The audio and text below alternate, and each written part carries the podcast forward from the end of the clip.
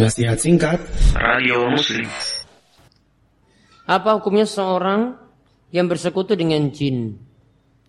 Kalau bersekutu bersekutu dengan jin ini tidak lepas dari kesyirikan. Kadang bentuknya untuk dapat ilmu sihir. Kadang bentuknya untuk dapat keampuhan dalam jimat-jimat.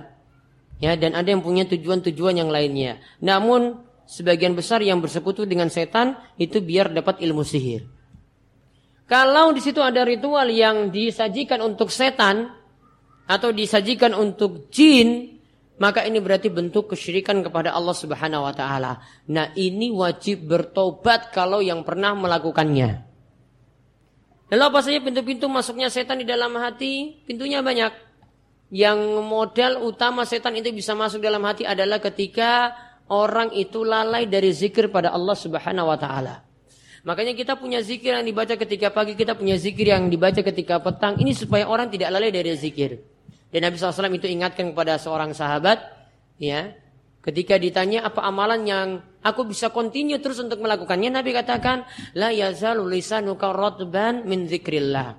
Hendaklah lisanmu, lidahmu itu selalu continue atau terus menerus berzikir kepada Allah Subhanahu wa taala. Berarti ya agar terus hati kita itu terjaga maka terus diisi dengan zikir, terus diisi dengan hadiri majelis ilmu, terus diisi dengan membaca Al-Quran, terus diisi dengan ibadah, terus diisi dengan melakukan amalan-amalan sunnah. Kalau hati itu satu waktu itu lalai dari tadi, maka setan itu akan mudah masuk dalam hati kita. Kemudian bagaimana mengatasi lintasan-lintasan hati yang mengajak untuk berputus asa? Kalau ini maksudnya sini berputus asa dari ampunan Allah, maka segera pahami banyak ayat-ayat dan hadis yang menyebutkan kita diperintahkan untuk memperbesar harapan kepada Allah Subhanahu wa taala.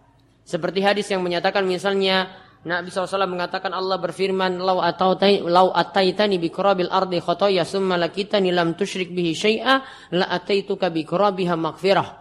Ya seandainya kalian wahai hambaku kata Allah itu datang dengan dosa sepenuh bumi maka Allah akan mendatangimu juga dengan ampunan sepenuh bumi asalkan engkau tidak berbuat syirik kepada Allah Subhanahu wa taala.